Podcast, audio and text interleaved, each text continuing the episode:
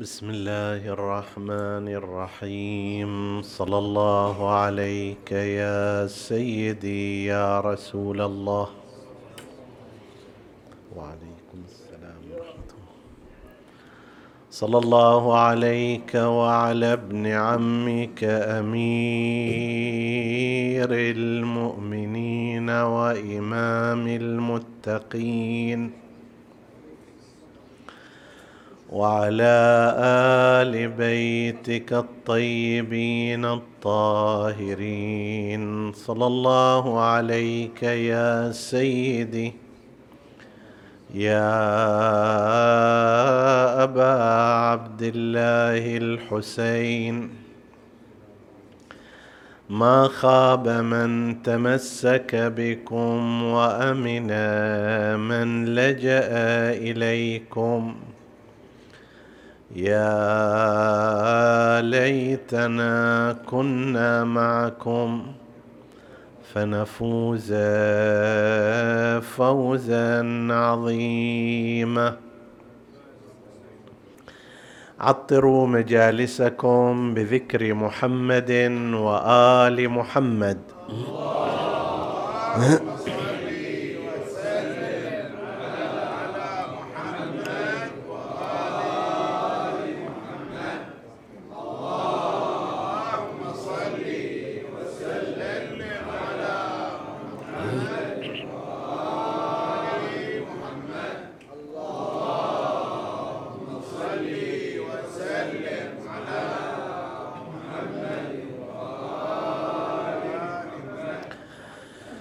روي عن سيدنا ومولانا رسول الله صلى الله عليه وآله أنه قال فوق كل ذي بر بر حتى يقتل المرء في سبيل الله.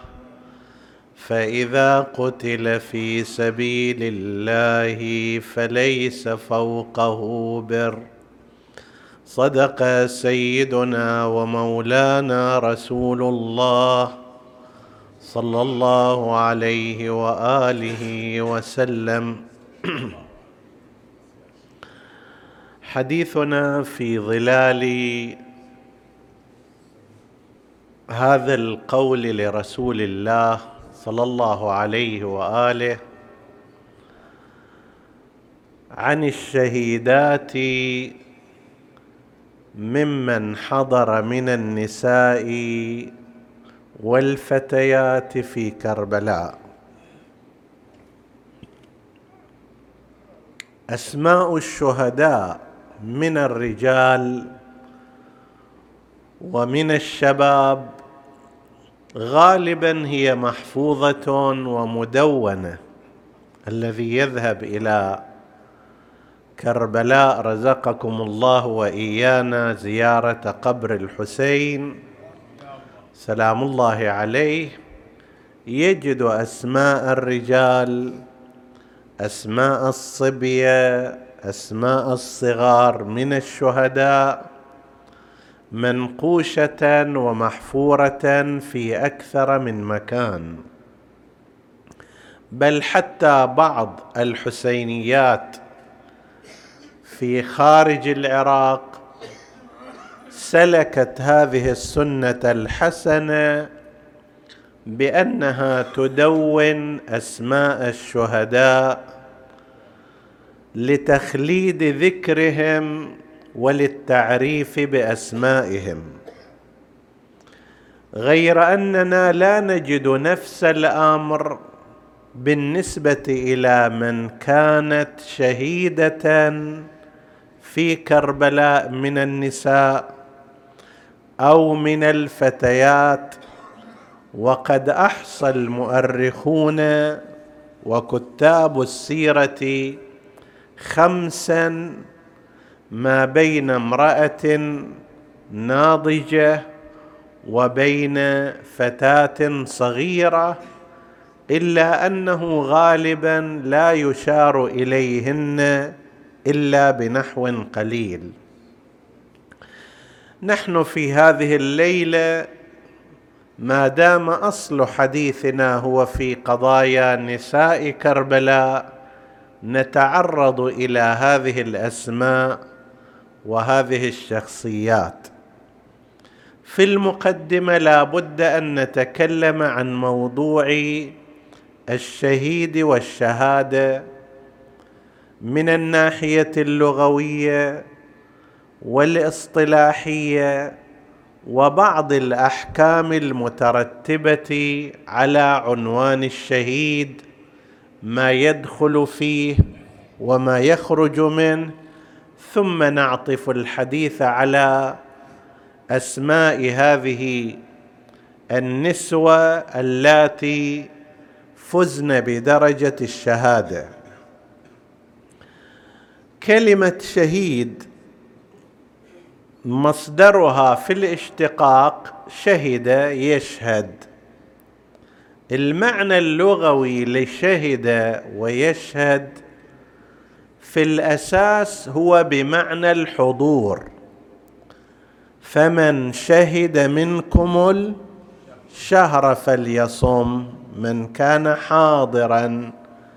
وتقول شهدت المعركة الفلانية شهد فلان الحادثة الكذائية يعني حضرها. يترتب على الحضور المباشر أن يكون للحاضر علم تفصيلي دقيق بما جرى أدق مما يسمع. ثم بعد ذلك لو أراد أن ينقل الخبر فهو يشهد بذلك. يخبر عن علم فهي مراحل متتالية. شهود اولا بمعنى الحضور ثم يترتب على ذلك علم بما جرى ثم لو أراد الإخبار عنه والشهادة يكون ذلك عن علم. هذا في المعنى اللغوي لكلمة شهد ويشهد وقد استعملت أيضا في اسم الله عز وجل. في القرآن الكريم مواضع متعددة وصف ربنا نفسه بأنه شهيد. شهيد يعني مسيطر حاضر ناظر عالم بكل ما يجري. بالنسبة إلى الشهيد في الاصطلاح عندنا تارة يكون في الاصطلاح اللي يترتب عليه آثار فقهية محددة وهو ما ذكره العلماء في باب تغسيل الميت. ذكروا أن كل إنسان مسلم يموت يجب تغسيله يجب تكفينه يجب الصلاة عليه. يجب دفنه. يستثنى من مورد التغسيل والتكفين مواضع معينة وموارد معينة أولها ذكروا الشهيد. الشهيد من المستثنيات عند الفقهاء في لزوم تغسيله وفي لزوم تكفينه وهذا كما ذكروا على نحو العزيمة والفرض. يعني ما واحد يقدر يقول أنه طيب أنا أبغى أغسل ابني شهيد مثلا في معركة عادلة أبغى أغسله ليس له ذلك. أريد اكفنه ليس له ذلك. سقوط ذلك عن الشهيد على نحو العزيمة والحاتم نعم لو كان عاريا مثلا فقدت ملابسه ربما تظهر عورته. هنا لا بد من تكفينه بهذه الجهة وستره. فاذا في الناحية الفقهية الشهيد هو من المستثنيات في لزوم التغسيل والتكفين. هذا ليس أي واحد يطلق عليه الشهيد وإنما اشترطوا شروطا محددة أن يكون مقتله في داخل المعركة وأن تكون المعركة لا تزال قائمة وأن تكون الراية راية معصوم أو راية عادلة كما ذهب إليه المتأخرون.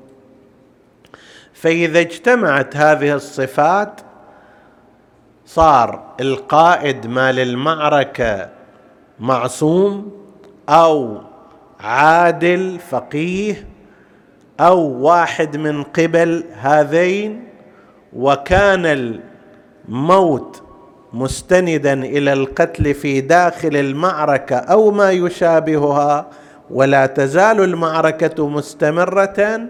هنا لو قتل إنسان وفاضت نفسه لا يصح تغسيله ولا تكفينه وإنما يدفن بملابسه هكذا وهي مرتبة من المراتب. طبعا في إلى آثار أخرى أن الشهيد يشفع لفئام من الناس أعداد كبيرة جدا. فيه أنه يكون مع الصديقين بمقتضى الاقتران الموجود في القرآن الكريم وأمثال ذلك. هذا الشهيد الذي ينظر إليه بالعنوان الفقهي. هناك عندنا شهيد في جهة الآجر. سليش اولا سمينا هذا الرجل الذي يقتل في المعركة شهيد مع أن المعنى اللغوي بمعنى الحاضر بمعنى الحاضر العالم الذي يقدم شهادة يخبر مع أنه هذا المفروض بحسب النظرة الظاهرية مات لم يشهد ولم يستطع أن يقدم شهادة. قالوا أوجه كثيرة. نوجز بعضها إشارة. من الأقوال التي ذكرت قالوا إن الشهيد هنا بمعنى المشهود له. صيغة فعيل في اللغة أحيانا تجي بمعنى المفعول مثل قتيل يعني مقتول. هنا شهيد يعني مشهود له. وقالوا لأن الله عز وجل وملائكته يشهدون له بالوفاء وأنه كان عند إيمانه وأنه ذهب إلى آخر المشوار فهم يشهدون له يشهدون له بالجنة يشهدون له بالثواب والأجر العظيم فهو شهيد بمعنى مشهود اليه هذا قول قول آخر لا هو يشهد. يشهد بمعنى يرى يعلم. لكن ماذا يرى؟ يرى ملكوت الله وملكه. يرى الجنه يرى النعيم الذي قد وعد به. ما قبل شهادته هو إنسان عادي. هل أغشي هذه على عينه؟ هذه الحواجز المادية تعيقه عن النظر إلى ملائكة الله النظر إلى جنة الله النظر إلى ثواب الله. لكن عندما يتشرف بالشهادة يكشف له عن بصره فيشهد هذه الأمور يكون عالما بها ناظرا لها وبالتالي يستطيع لو أتيح له أن يخبر عنها. بعضهم قال هو يشهد على الخلائق من بعده. يعني ما ينتهي هذا الشهيد بموته وإنما يبقى عنده نحو إشراف ونظر إلى الناس فيعرف من يسيء ويعرف من يحسن وكأن الله سبحانه وتعالى أعطى له هذه القدرة والقوة لا سيما وهم أحياء عند ربهم يرزقون. وفي آية أخرى فرحين بما آتاهم الله من فضله ويستبشرون بالذين لم يلحقوا بهم من خلفهم وهكذا. هذه العلاقات جعلت إطلاق كلمة الشهيد اللي هي في الأصل تعني الحضور تعني العلم تعني تقديم الشهادة. تنطبق على هذا الإنسان الذي يقاتل في سبيل الله عز وجل بالشروط المذكورة التي ذكرناها ويوصل إلى مرتبة الشهادة والتي ليس كما ورد في حديث سيد الأنبياء محمد.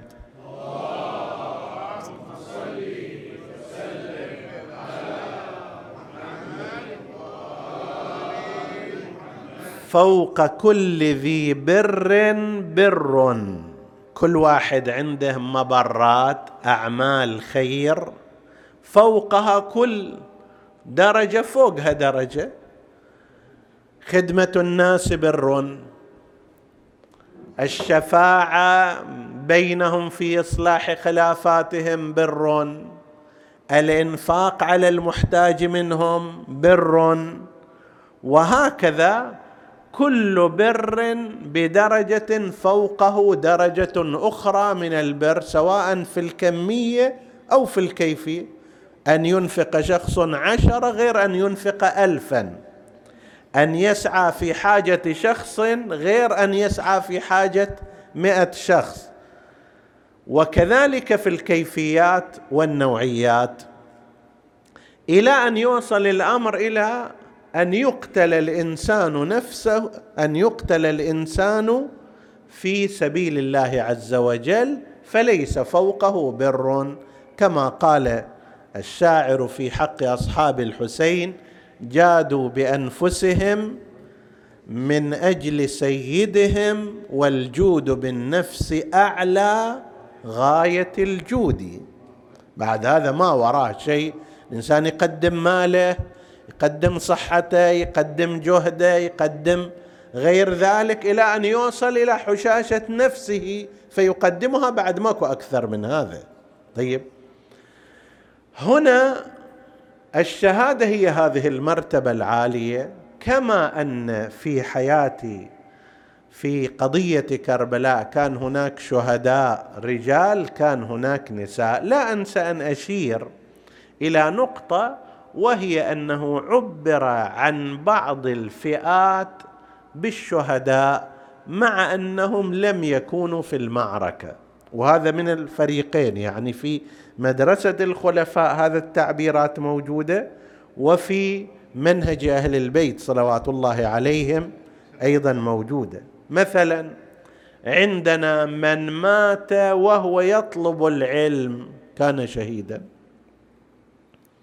عندنا روايات هكذا من مات وهو يطلب العلم مات شهيدا. المرأة النفساء إذا ماتت في نفاسها حين تمخض أو بعيده بقليل كما ربما ينقل في بعض الأخبار عن أم زين العابدين عليه السلام أنها ماتت في نفاسها بولدها زين العابدين بناء على هذا أيضا المرأة النفساء هي في هذه المرتبة وأطلق عليها عنوان الشهيد. من مات بالغرق أي طبعا هذول لازم يكونوا محت يعني عندهم المؤهلات من حسن الإيمان ومن الاستقامة ومن القيام بالعبادة. إذا صار لهم هذا العنوان كان لهم نصيب الشهداء. فعندنا العناوين هذه وبل أكثر من هذا في ما ينقله الزمخشري جاء الله الزمخشري وهو من أدباء ولغويي ومفسري مدرسة الخلفاء. رجل في المجال البلاغي واللغوي ذو باع طويل وعنده كتاب الكشاف.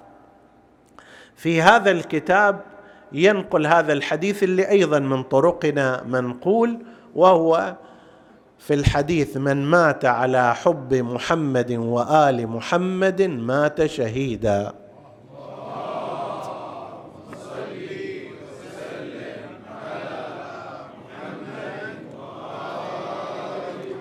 فهذه عناوين مختلفة أطلق عليها عنوان الشهيد. طبعا هذه لا يترتب عليها كل آثار الشهيد. الآثار الفقهية مثلا لا تترتب عليها. إذا مات إنسان وهو في طريق العلم لا بد أن يغسل لا بد أن يكفن تجرى عليه جميع السنن. امرأة نفسها لا بد أيضا أن يجرى عليها كامل هذه الأعمال اللازمة. واحد مات على حب النبي وآله كذلك. وهكذا فالآثار الفقهية لا تترتب على هؤلاء. بل ربما يقال أيضا بعض المراتب مثل مراتب الشفاعة الكبرى التي ينالها الشهيد ليس بالضرورة أن تترتب على هذه العناوين وإنما ربنا سبحانه وتعالى تفضلا منه ومنة على عباده جعل هذه العناوين تنال اجرا كأجر الشهيد. فيكون الشهيد هنا بأي معنى؟ يكون الشهيد هنا بمعنى حسب التعبير وحدة قياس. شنو معنى وحدة قياس؟ الآن أنت تحسب المسافات بالكيلومتر. تقول المسافه بين هذا المكان وذاك المكان خمسين خمسون كيلومتر. هذه كيلومتر هي وحدة قياس تصير. بدل ما تقول إلى الإنسان بين هنا وهناك هناك مثلا خمسين كيلومتر الذي كل كيلومتر يساوي ألف متر واللي كل متر يساوي مئة سنتيمتر واللي كل سنتيمتر يساوي كذا مليمتر. بدل ما هذا تجعل لك وحدة قياس فإذا أطلقت يصير معلوم. تقول المسافة هي خمسون كيلومتر. هنا أيضا اتخذ الشهيد كما يرى بعض الباحثين. أجر الشهيد جعل بعنوان مقياس من المقاييس.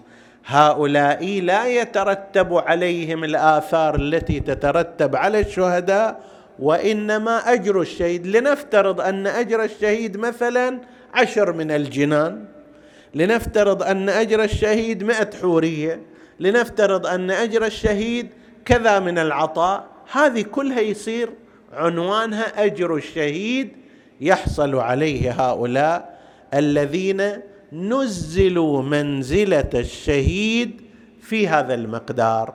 من من صلى على النبي وآله ممن مات على حبهم ممن مات وهو في طلب العلم ممن ممن إلى غير ذلك.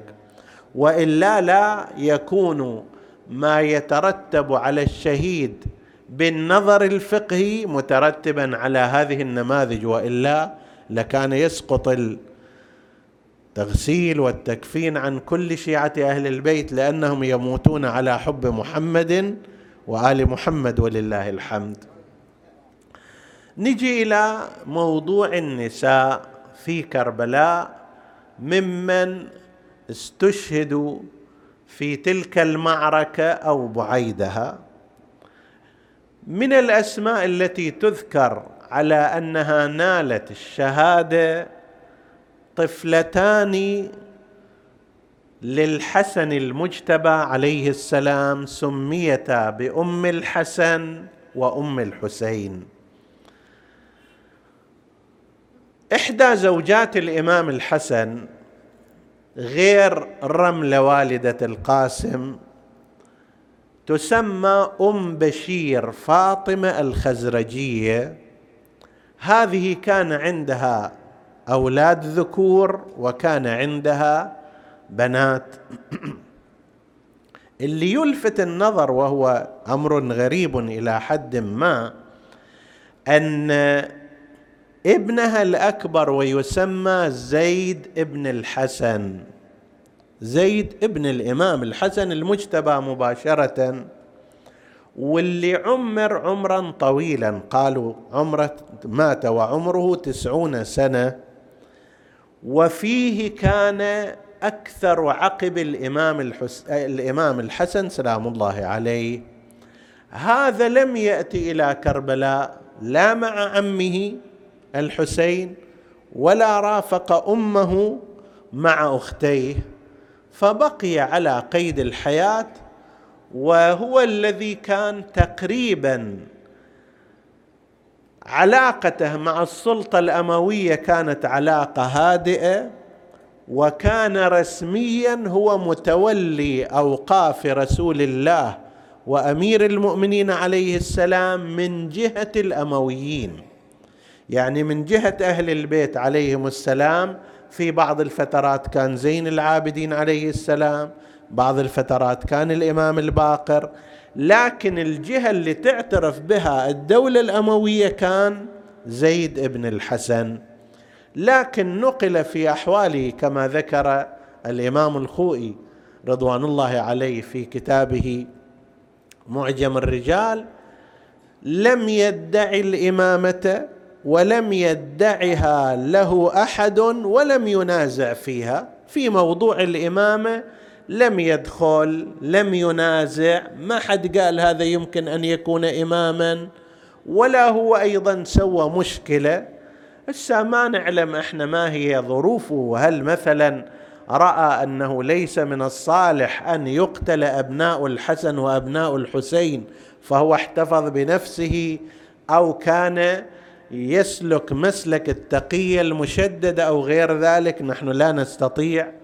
أن نعرف ما هي الأسباب لكن المعلوم أنه هذا لم ياتي مع والدته إلى كربلاء ولم ياتي مع أختيه أم الحسن وأم الحسين. أم الحسن وأم الحسين بنات 11 سنة و12 سنة كما ذكروا.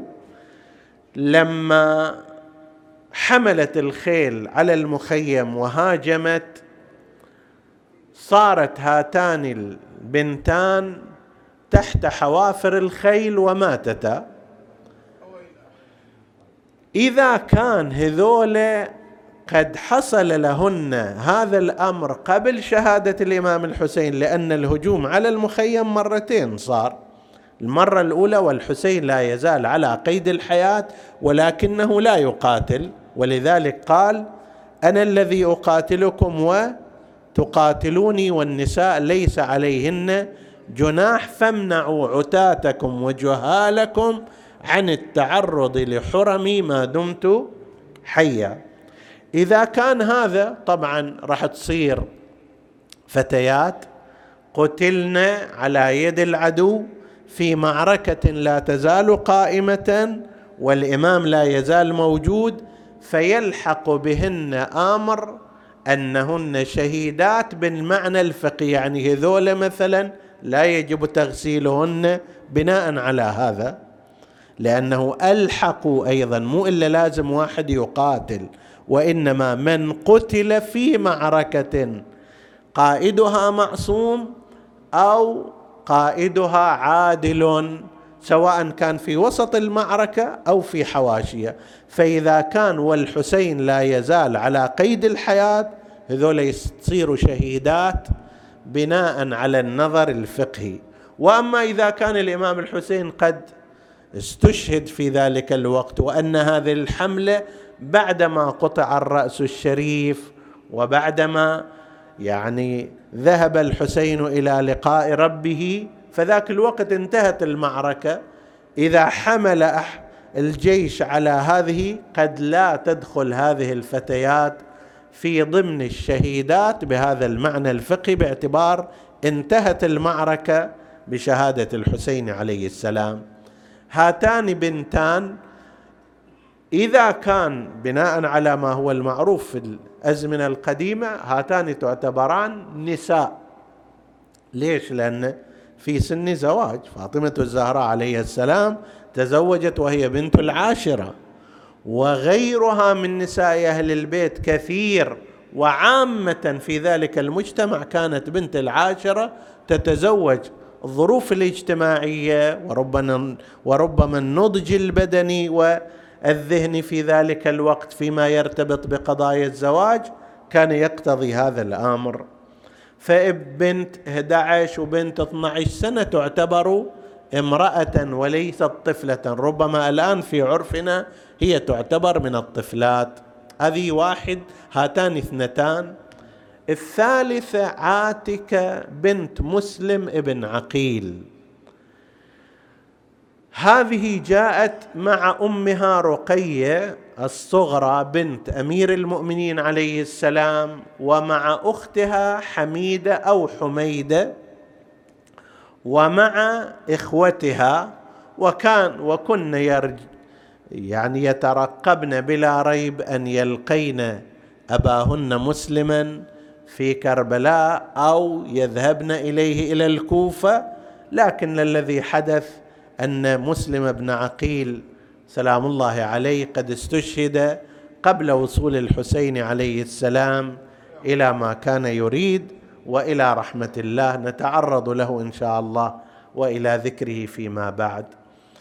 فهذه الفتاة أيضا تعرضت إلى الدهس من قبل جيش بني أمية في نفس الحادثة لكنها هذه كانت صغيرة السن عمرها كما ذكروا سبع سنوات.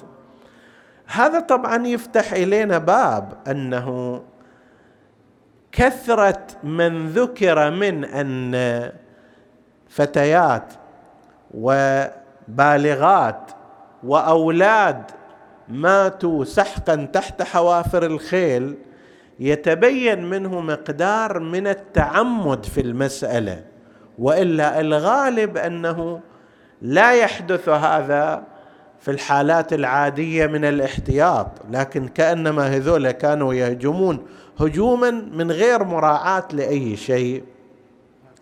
فهذه أيضا فتاة بنت صغيرة لمسلم ابن عقيل أيضا تعد من الشهيدات إن كان الهجوم اللي صار قبل شهادة الحسين فالكلام أنها شهيدة بالمعنى الفقهي وإذا كان بعد شهادة الحسين فقد لا يكون ذلك بالضرورة ونحن نفترض أن هذه النساء ممن استشهدن لا بد أن يكن في مكان مختلف عن مكان الشهداء الرجال إما بجانب ذلك إما خلفهم إما يعني في مكان منعزل عن جمع الشهداء وحفرة الشهداء.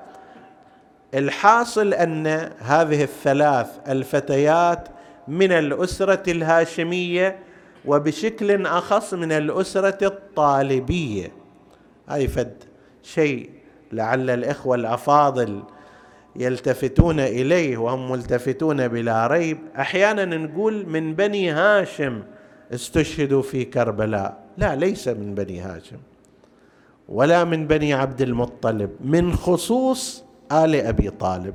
يعني لا نجد من الأسرة الكريمه إلا أبناء وأحفاد أبي طالب غيرهم ماكو. يعني مثلا من بني العباس وهو من أبناء عبد المطلب ومن بني هاشم لم يكن هناك أحد. من بني أبي لهب الأمر كذلك من غيرهم نفس الأمر. انحصر الشهداء والناهضون بحمل الثورة. في ذلك الوقت في أبناء وذرية علي في ذرية أبي طالب سواء من عقيل أو من جعفر أو من علي صلوات الله وسلامه عليهم أجمعين. وأما غيرهم فلم يكن لهم هذا الشرف. طبعا ليس كل أبناء علي بن أبي طالب ولا كل أبناء جعفر ولكن الذين استشهدوا هم من هذه الفروع الثلاثة من أبي طالب. بنو هاشم متعددون ولكن لم يكونوا في كربلاء ولم يحظوا بشرف الشهادة. هذا من النساء فد أسرة كاملة وهذا ملفت للنظر. الأسرة الكاملة ما نقله الشيخ الصدوق على الله مقامه عن امرأة زوجة وزوجها وأم زوجها ستارة يعنون الزوج بعنوان عبد الله ابن حباب الكلبي وأخرى بعنوان وهب ابن عبد الله ابن حباب الكلبي. وينقل الشيخ الصدوق في هذا أن هذه الأسرة لم تكن على دين الإسلام وإنما التقوا بالحسين عليه السلام في منطقة الثعلبية حوالي 400 كيلو عن كربلاء. قبل أسبوع تقريبا أو ثمانية أيام من وصول الحسين إلى كربلاء. التقوا به في الطريق وهناك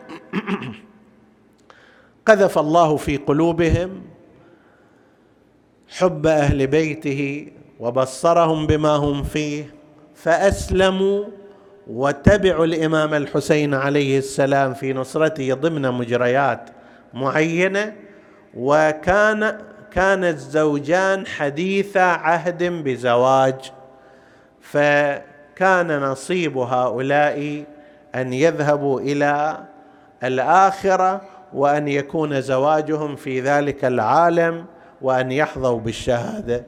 هذه النساء اللي أحيانا تسمى الزوجة بعنوان قمر بنت عبد من النمر ابن قاسط وأم وهب أو أم عبد الله الكلبي ساروا مع الحسين عليه السلام حتى إذا كان يوم العاشر برز هذا عبد الله وجاهد وقاتل قتال الأبطال ورجع إلى أمه.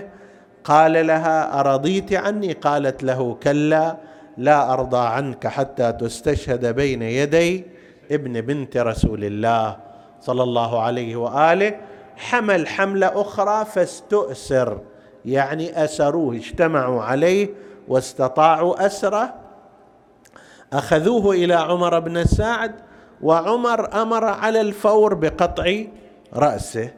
طبعا هذا على خلاف القوانين الدينية على خلاف القوانين العسكرية على خلاف القوانين الأخلاقية من أن الأسير لا يقتل في أرض المعركة حتى من الناحية القانونية هذا المتعارف في ذلك الوقت لم يكونوا يصنعونه. ولكن هؤلاء تجاوزوا كل الخطوط. لا دين لا قانون لا أخلاق لا عرف اجتماعي. فقطع رأسه وألقي برأسه إلى جهة معسكر الحسين عليه السلام. فقامت أمه في رواية تقول وقذفت برأس ابنها على بعض أولئك الجنود وآذتهم وبعضهم يقول فمات أحدهم. هذا يحتاج إلى إلى شيء من التوثق والتأكد. وأمر عمر بن سعد بعد ذلك أن يضرب رأس هذه المرأة أمه بعمود من حديد فجاء غلامه رستم وضربها على رأسها. وكذلك حصل أيضا لزوجته تلك فهاتان أيضا امرأتان من هذه الأسرة بالإضافة إلى رب الأسرة الزوج أسرة كاملة تقدمت إلى الشهادة بين يدي الحسين سلام الله عليه. ويستحق مولانا الحسين ليس أسرة واحدة وإنما يستحق أن تنهض لفدائه جميع الأسر. جميع المؤمنين لمناصرته لا سيما وقد خرج من أجل الإصلاح إنما خرجت لطلب الإصلاح في أمة جدي أريد أن آمر بالمعروف وأنهى عن المنكر وأسير بسيرة جدي وأبي وخرج تلك الخرجه التي غير بها وجه التاريخ غير بها وجه الإسلام وقف أمام الظلم سيفا مشهورا إلى يوم القيامة. هذا يحتاج إلى بحث مفصل كيف أثر الحسين عليه السلام في فكر المسلمين حتى من خارج أتباعه بحيث أصبح قضية مقاومة الظلم والأمر بالمعروف والوقوف امام الطاغيه الظالم واحدا من الأصول التي يستدل فيها وعليها بموقف الحسين عليه السلام. خرج من المدينة المنورة بعد أن قال لذلك الوالي أنا أهل بيت النبوة وموضع الرسالة بنا فتح الله وبنا يختم ويزيد رجل فاسق فاجر شارب الخمور قاتل النفس المحترمة ومثلي لا يبايع مثله. هل كان عند الحسين عليه السلام علم بسابقيات يزيد أنه كان قاتلا؟ أو هو يشير إلى ما سيفعله في المستقبل؟ يعني هذا سيكون في المستقبل قاتلا للنفس المحترمة. يحتمل كلا الأمرين أن الحسين عليه السلام يعلم شيئا لا يعلم به غير غيره ولذلك رفض هذا المعنى قال ومثلي لا يبايع مثله. ثم انسحب بعد أراد أن ينسحب من المجلس من الديوان فنادى مروان بن الحكم هذا مسعر الفتن في تاريخ المسلمين في القرن. الأول الهجري مروان بن الحكم رجل كان مسعر الفتن والمشاكل لو أراد إنسان أن يدرس شخصيته. فقال للوليد ابن عتبة وقد أراد الحسين أن يرحل ويخرج من المجلس وقال ننظر وتنظرون ونصبح وتصبحون نرى أينا أحق بالخلافة أراد أن ينهي الموضوع بهكذا فقال مروان للوليد لئن فاتك الثعلب لن ترى إلا غباره اوثقه كتافا فإما بايع وإما قتلته أو أمرتني أن أقتله. فقال الحسين عليه السلام كلاما قويا قال ويحك يا ابن الزرقاء أنت تقتلني أم هو؟ خسئت ولأمت يعني أنت مو بقد هذا الأمر أن تقتلني لا أنت ولا هو. صعد صوت الإمام الحسين عليه السلام فدخل بنو هاشم إلى ذلك الديوان يتقدمهم قمر العشيرة أبو الفضل العباس. سلام الله عليه. لا يهون عليه أن يغضب الحسين. لا يهون عليه أن يهان الحسين أن يكلم كلاما عظيما. من رحمة الله بالعباس أنه صرع قبل أن يشهد مقتل الحسين وإلا لو رأى ما جرى ما جرى على الإمام الحسين ما كان يحصل له. هذا الذي لا يقبل أن يصاب الحسين بكلام سيء. كيف كان سيحصل له؟ وهو يرى السهام والرماح ترتوي من دمه الشريف. أبو نهضة وأبو شهامة هذا أبو الفضل العباس. فخرج مولانا الحسين عليه السلام إلى وداع قبر جده المصطفى يشكو له ما الذي جرى عليه وكيف تعاملت الأمة معه. عندها ناجى جده يا جده يا رسول الله. أنا الحسين بن فاطمة فرخك وابن فرختك وسبطك الذي خلفتني في أمتك وقد ترى ما نزل بي من الأمر. اللهم إنك تعلم أنني أنكر المنكر وآمر بالمعروف. قالوا هنا خفقت عين الحسين سلام الله عليه على قبر جده فرأى جده المصطفى في المنام قال جد ضمني إليك لا حاجة لي في الرجوع إلى هذه الدنيا. قال إن لك في الجنة لمنزلة لا تنالها إلا بالشهادة. ضمني عندك يا يا جداه في هذا الضريح علني يا جد من بلوى زماني أستري. ضاق بي يا جد من فرط الأسى كل فسيح.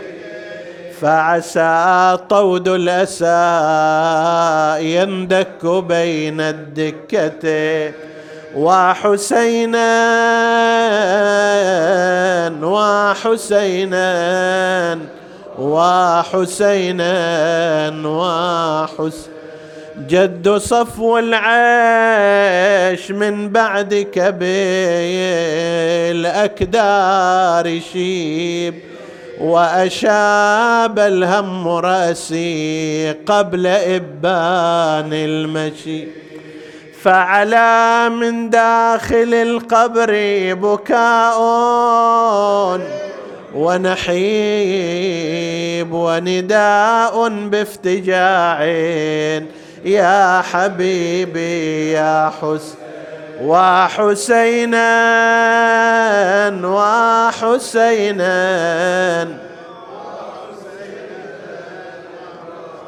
ستذوق الموت ظلميا ضاميا في كربلاء. وستبقى وستبقى في ثراها. عافرا منجدلا. وكأني بلئيم الأصل شمر وحسينا. وكأني بلئيم الأصل شمرين قد على صدرك الطاهر بالسيف يحز الودجين.